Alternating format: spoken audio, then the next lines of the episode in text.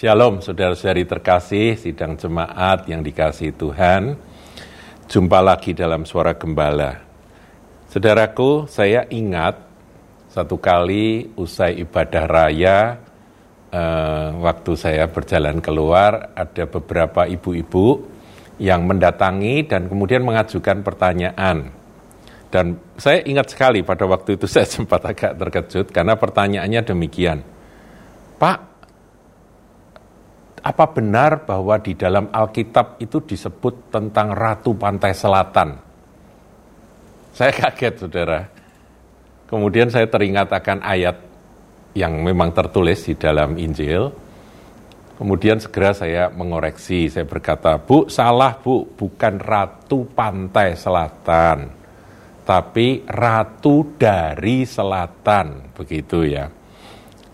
Nah, kenapa kok kok ini rancu karena memang mitologi Ratu Pantai Selatan atau Nyi Roro Kidul itu rupa-rupanya cukup terkenal saudaraku ya khususnya di Jawa ini sampai menjadi banyak dongeng dan kisah tentang adanya tokoh yang disebut dengan Ratu Pantai Selatan ini. Bukan ada filmnya ya saudara tapi apa yang tertulis dalam Alkitab itu sama sekali nggak ada hubungannya dengan Nyiroro Kidul. Jadi saudara harap eh, apa ngerti bahwa ini nggak ada hubungannya. Namanya mirip saudara. Kalau itu Ratu Pantai Selatan, nih Ratu dari Selatan, begitu ya. Ayatnya ada di Matius 12 ayat yang ke-42. Coba saya bacakan. Pada waktu penghakiman, ratu dari selatan itu akan bangkit bersama angkatan ini, dan ia akan menghukumnya juga, sebab ratu ini datang dari ujung bumi untuk mendengar hikmat Salomo, dan sesungguhnya yang ada di sini lebih daripada Salomo. Saudara, eh, ini adalah kata-kata Tuhan mengakhiri akan perikop tanda Yunus. Kalau saudara baca di Alkitab Anda, di situ ayat 38 itu diakhiri di ayat 42 di mana Tuhan mengangkat akan peristiwa kunjungan Ratu Sheba ya di dalam kisah perjanjian lama pada zaman Salomo dia mengunjungi akan Yerusalem dan ingin mendengar hikmat Salomo. Nah, tentunya ini tidak berdiri sendiri karena ini adalah jawaban Tuhan Yesus terhadap pertanyaan orang-orang Farisi dan ahli-ahli Taurat yang minta tanda kepada Tuhan Yesus. Dan Tuhan mengangkat sebetulnya dua, dua kisah di perjanjian lama, yang satu adalah kisah Yunus dan Nineveh, kemudian yang kedua adalah Ratu Sheba atau Ratu dari Selatan yang yang pada waktu itu mengunjungi Salomo. Nah, dikatakan di sini bahwa ratu tersebut nanti akan bangkit dan dia bersama dengan angkatan ini yaitu angkatan dari orang-orang yang bertanya pada Yesus itu dan menghukum mereka. Artinya ratu ini nanti akan berbicara. Dia akan bersaksi begitu.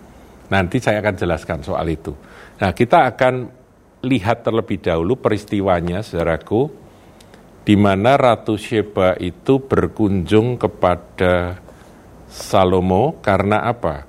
Karena Salomo ini sangat termasyur, terkenal dengan kebijaksanaan, hikmatnya yang luar biasa. Nah, kita lihat di dalam satu Raja-Raja 10. Ketika Ratu Negeri Sheba mendengar kabar tentang Salomo berhubung dengan nama Tuhan. Ini perlu digarisbawahi. Berhubung dengan nama Tuhan. Jadi sebetulnya yang dikejar, yang dicari oleh Ratu Sheba itu adalah Tuhan. Tuhannya Salomo ini berhubung dengan nama Tuhan. Tuhan di situ T U H A N huruf besar eh, dalam bahasa Ibraninya adalah Yod Hevoheh yaitu Yahweh atau Yehova. Maka datanglah ia hendak mengujinya dengan teka-teki. Kata teka-teki itu dalam terjemahan bahasa Inggris dipakai istilah hard question, jadi pertanyaan yang sulit ya. Pertanyaan yang sulit-sulit untuk dijawab. Ia datang ke Yerusalem dengan pasukan pengiring yang sangat besar, dengan unta-unta yang membawa rempah-rempah, yaitu benda yang eh, mahal harganya dan benda-benda yang biasanya dijadikan upeti atau persembahan dari dari raja satu kepada raja yang lain. Sangat banyak emas. Kenapa kok disebut sangat banyak? Nanti kita akan hitung emas yang dibawa dari Sheba, negeri Sheba, eh, ke, oleh Ratu Sheba itu berapa jumlahnya nanti saya, saya akan ajak saudara menghitung ya. Batu permata yang mahal-mahal Oh, batu permata mahal, saudaraku ya ada mira, ada zamrud, ada apalagi ya mata kucing atau apa saja. Saudara tahu ya yang suka batu permata itu precious stones itu mahal-mahal harganya. Setelah ia sampai kepada Salomo dikatakan nyalah segala yang ada dalam hatinya kepadanya. Dan Salomo menjawab segala pertanyaan ratu itu dan bagi raja tidak ada yang tersembunyi yang tidak dapat dijawabnya untuk ratu itu. Ya, kita nanti sudah bisa baca sendiri bagaimana Ratu Sheba itu terkagum-kagum dengan uh, hikmat Salomo yang menjawab setiap pertanyaannya dan kemudian juga melihat bagaimana uh, Raja Salomo itu mengatur akan istananya, mengatur pegawai-pegawainya.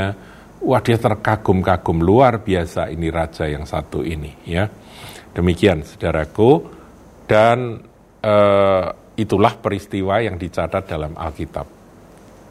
Tapi saya li sempat lihat di dalam Wikipedia, rupanya yang memasukkan itu bukan orang Kristen, jadi dasarnya tidak melulu Alkitab, dikatakan Ratu Sheba kemudian Bilqis, yaitu memang versi dari kitab suci Al-Quran, Bilqis, istrinya Salomo. nah, apakah benar terjadi kisah asmara antara Ratu Sheba dengan Salomo itu tidak terdapat di dalam Alkitab. Itu saja jawaban saya. Jadi yang tidak terdapat dalam Alkitab anggap aja itu dongeng tambahan, saudaraku ya. Nah, saya akan ngajak saudara membaca ayat 9. Ini yang tertulis dalam firman Tuhan. Terpujilah Tuhan Allahmu yang telah berkenan kepadamu sedemikian, sehingga ia mendudukkan engkau di atas tahta kerajaan Israel. Jadi akhirnya Ratu Sheba ini memuliakan siapa saudara? Bukan Salomo. Dia kagum pada hikmat Salomo, tapi dia tahu bahwa hikmat Salomo itu datangnya dari Tuhan Allahnya Salomo. Jadi dia akhirnya berjumpa dengan Tuhannya Salomo. Ini yang perlu kita garis bawahi, saudaraku. Dia berkata, terpujilah Tuhan Allahmu yang telah berkenan kepadamu sedemikian, sehingga ia mendudukkan engkau di atas tahta kerajaan Israel karena Tuhan mengasihi orang-orang orang Israel untuk selama-lamanya. Maka ia telah mengangkat engkau menjadi raja untuk melakukan keadilan dan kebenaran. Saudaraku, keadilan dan kebenaran merupakan cita-cita, sasaran, dan fokus dari seorang pemimpin negara. Seperti Sheba ini, Ratu Sheba ini. Dan dia belajar dari sana. Ayat 10, saudara, tadi saya janji ya saya janji untuk ngajak saudara hitung-hitungan akan persembahan yang dibawa oleh Ratu Sheba itu untuk Raja Salomo. Lalu diberikan nyalah kepada raja 120 talenta emas. Emasnya dulu saya saya ajak Anda menghitung. 120 talenta emas. Satu talenta emas itu kurang lebih 34 kg. Jadi kalau 120 talenta emas, 34 kali 120 keluar hasil 4080 kilo emas.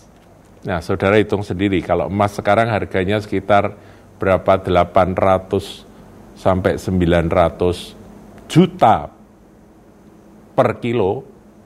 Nah, saudara hitung sendiri. Berapa uang yang dibawa, nilai dari emas yang dibawa oleh Ratu Sheba itu perjalanan yang tidak singkat, saudaraku dari negerinya Ratu Sheba itu sampai ke Yerusalem itu diperkirakan jaraknya 1200 mile. Sheba itu letaknya di antara Ethiopia dan Yaman. Di situ dulu ada satu kerajaan kuno yang namanya negeri Sheba itu, saudara. Nah itu kalau dihitung itu sebelah selatan sebelah selatan. Nah, makanya Yesus berkata ratu dari selatan. Sebelah selatan dari Yerusalem kurang lebih kalau 1200 mile ya kurang lebih 2000 km, saudaraku. Jauh ya, 2000 km, saudaraku. Jadi dari Anyer sampai Panarukan bolak-balik gitu ya 2000 km. Ya, dengan membawa onta-onta, ontanya itu dimuati emas. Emasnya di total 4 ton lebih. Wow, luar biasa ya. Ratu ini luar biasa. Itu menandakan apa, saudaraku? Ratu ini begitu merindukan kebenaran, merindukan hikmat yang dari sorga. Dia tidak kenal Tuhan. Dia hanya mendengar bahwa ada orang yang punya Tuhan di Yerusalem. Dia seorang raja, punya hikmat luar biasa karena ratu ini seorang yang mengejar akan kebenaran, maka dia datang mengadakan perjalanan jauh. Dan ketika dia bertemu, hasilnya, saudaraku, dia memuji Tuhan. Saya tafsirkan dia mengalami perjumpaan dengan Tuhan melalui perjumpaannya dengan Salomo tersebut. Nah, saudaraku, belum lagi ya sangat banyak rempah-rempah dan batu permata yang mahal-mahal, ya tidak pernah datang lagi begitu banyak rempah-rempah seperti yang diberikan Ratu Negeri Sheba kepada Raja Salomo itu. Nah, saudaraku, kembali ke apa yang Tuhan Yesus katakan.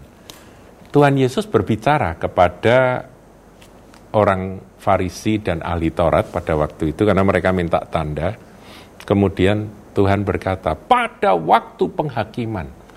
Jadi ini adalah kata-kata Tuhan yang me menggambarkan atau menjelaskan bahwa apa yang akan terjadi pada hari penghakiman nanti, ratu dari selatan itu, Ratu Sheba itu akan bangkit bersama angkatan ini, ya kembali ke Matius 12 ayat 42 itu, dan ia akan menghukumnya juga. Nah, di sini gambarannya seperti ini, saudaraku. Nanti ketika orang-orang Farisi itu bangkit pada hari penghakiman, ahli-ahli Taurat yang pernah ketemu dengan Yesus itu bangkit, mereka akan dihakimi. Dan ratu negeri Sheba, ratu dari selatan itu, juga akan bangkit dan berkata, berkata begini, aku ini loh yang hidup di zaman jauh sebelum Tuhan Yesus datang. Aku lapar dan haus mencari kebenaran, mencari hikmat yang dari sorga dan ketika aku mendengar bahwa di negeri orang-orang Israel, yaitu di Yerusalem, ada seorang raja yang hikmatnya luar biasa, termasyur. Maka aku berangkat dengan semua hulu balang, dengan semua orang-orangku.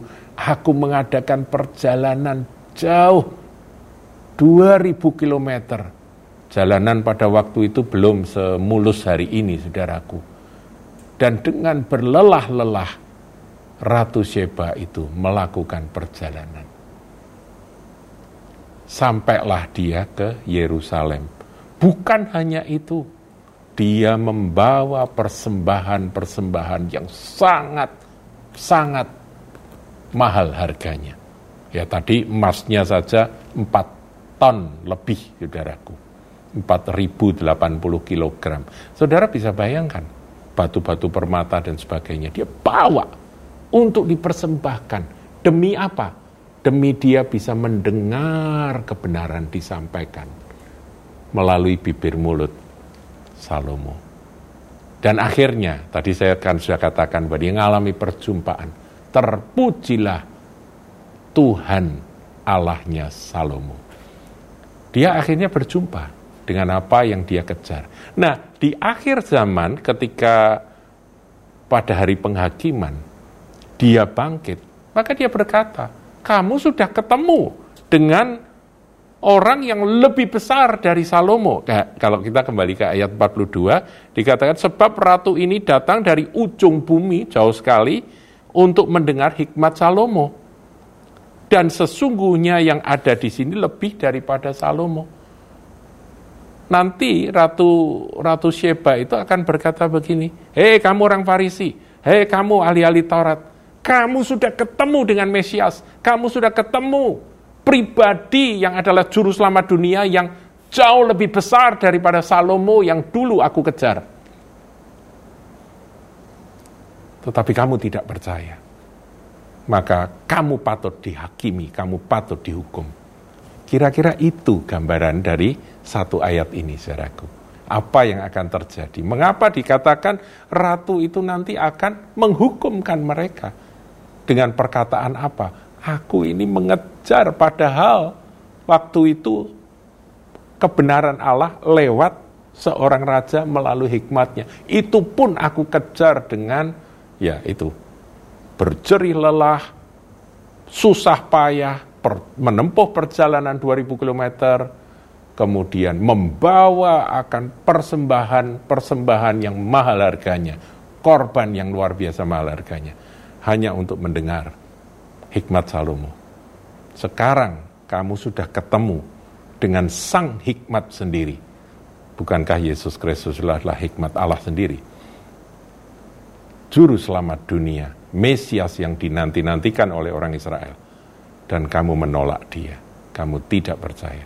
Maka kamu patut dihukum. Ngerti ya saudaraku ya? Kira-kira itu pesan dari Ratu dari Selatan bukan Ratu Pantai Selatan ya, bukan Nyiroro Kidul, saudaraku. Demikian firman Tuhan, Tuhan Yesus memberkati.